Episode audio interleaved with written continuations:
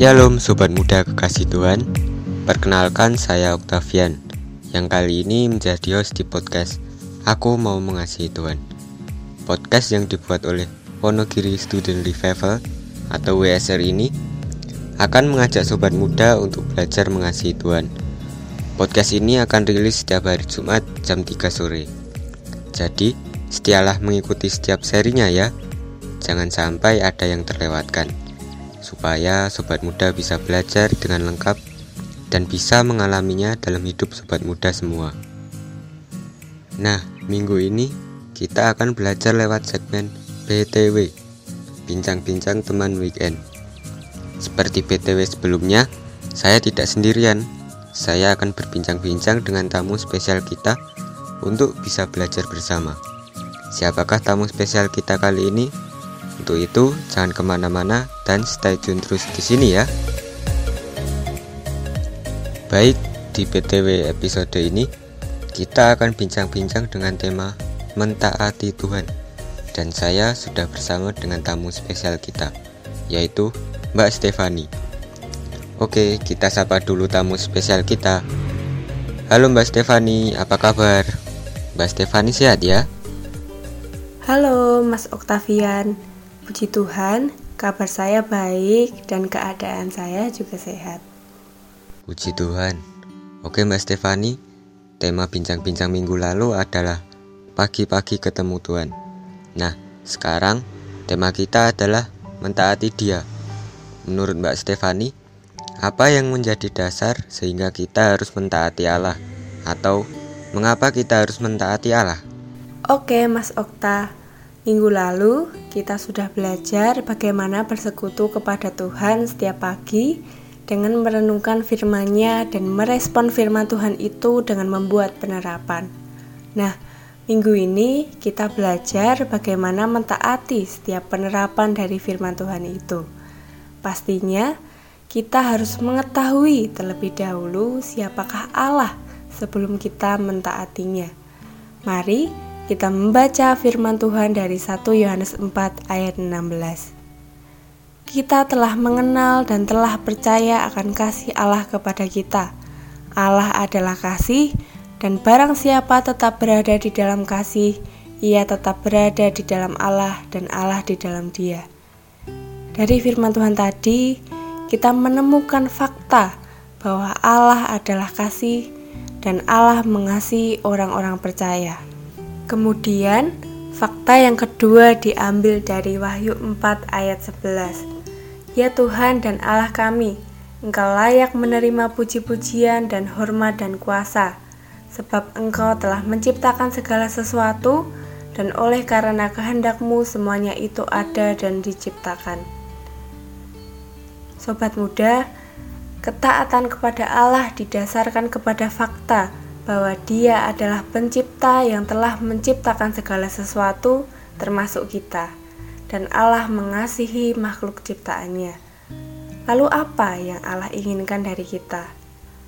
Allah ingin supaya kita mentaati segala perintahnya dan mengasihi dia seperti yang dikatakan di dalam ulangan 10 ayat 12 dan 13. Maka sekarang, hai orang Israel, Apakah yang dimintakan daripadamu oleh Tuhan Allahmu selain dari takut akan Tuhan Allahmu? Hidup menurut segala jalan yang ditunjukkannya, mengasihi Dia, beribadah kepada Tuhan Allahmu dengan segenap hatimu dan dengan segenap jiwamu. Berpegang pada perintah dan ketetapan Tuhan yang kusampaikan kepadamu pada hari ini supaya baik keadaanmu. Jadi, Allah juga memiliki alasan loh kenapa kita harus mentaati dia yaitu supaya keadaan kita itu baik. Begitu Mas Okta. Wah, ternyata Allah tidak hanya menginginkan kita mentaati dia, tetapi dari ketaatan itu ia menghendaki supaya keadaan kita baik ya. Lalu, apa mbak yang menjadi kunci supaya kita hidup dalam ketaatan? Oke, baik ada dua kunci untuk melakukan ketaatan. Yang pertama, Allah tidak membiarkan kita hidup dalam ketaatan dengan kekuatan kita sendiri, tetapi Ia menyediakan perlengkapan yang kita perlukan agar ketaatan kita terwujud dalam diri kita.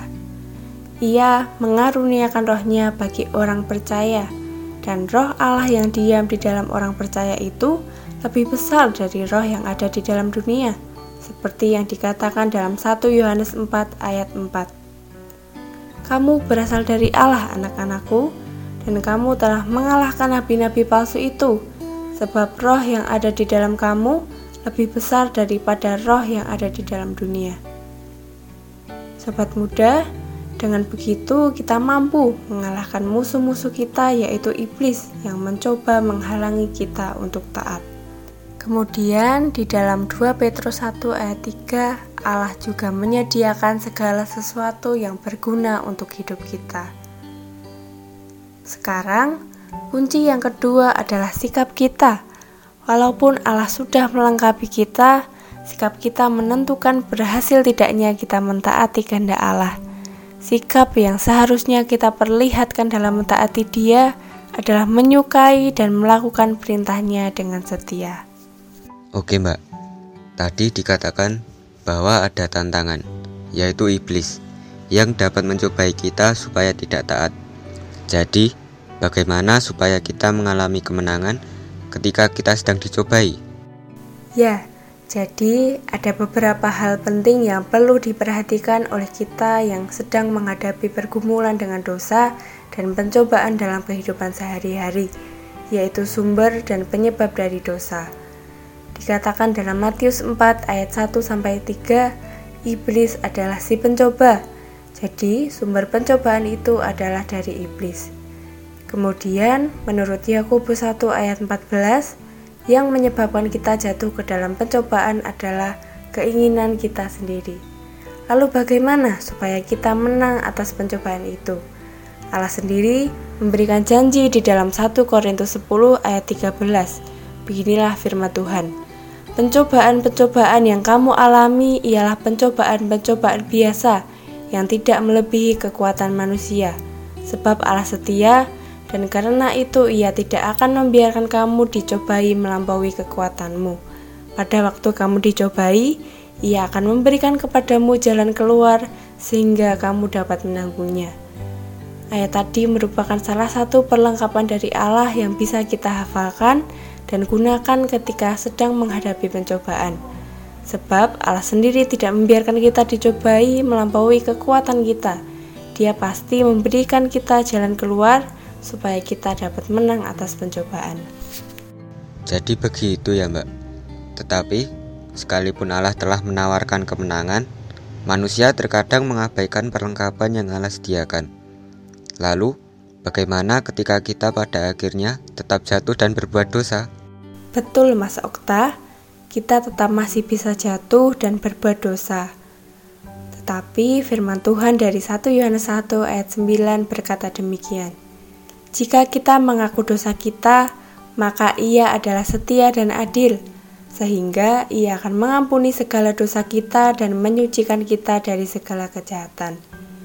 Firman Tuhan ini menegaskan bahwa yang harus kita lakukan ketika jatuh dan berbuat dosa adalah segera mengakuinya kepada Allah, dan Allah pasti mengampuni kita.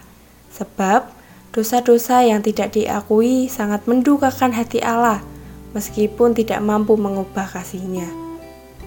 Dosa dapat mengganggu persekutuan kita dengan Allah, sama seperti ketika kita sedang bertengkar dengan orang tua, pasti suasana di rumah tidak enak dan komunikasi kita dengan orang tua juga tidak nyaman. Jadi, jangan patah semangat ya ketika berjuang untuk taat. Begitu, Mas Okta. Wah, senang sekali di perbincangan kita kali ini memberi penjelasan menurut firman Tuhan bagaimana supaya kita tetap taat kepada Allah sekalipun menghadapi pencobaan-pencobaan. Kiranya perbincangan kali ini memberkati sobat muda semua. Terima kasih Mbak Stefani untuk sharingnya. Tuhan memberkati Mbak Stefani. Terima kasih kembali Mas Okta. Tuhan memberkati Mas Okta dan sobat muda semua. Sampai jumpa lagi di lain kesempatan.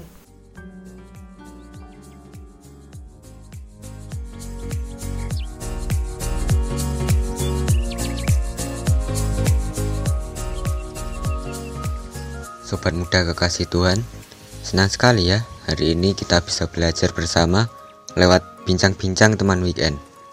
Kiranya pelajaran firman Tuhan hari ini memberkati sobat muda semua. Sobat muda jangan sampai terlewatkan untuk mendengarkan bincang-bincang teman weekend minggu depan ya. Tentunya bincang-bincang minggu depan pasti tidak kalah seru untuk kita pelajari dan kita alami bersama. Kalau ada sobat muda yang ingin berdiskusi, bertanya, memberi masukan, boleh deh sobat muda sampaikan lewat Instagram WSR yaitu di @wstudentrevival. Oke, sekian podcast kali ini. Gabung lagi minggu depan ya. God bless you all.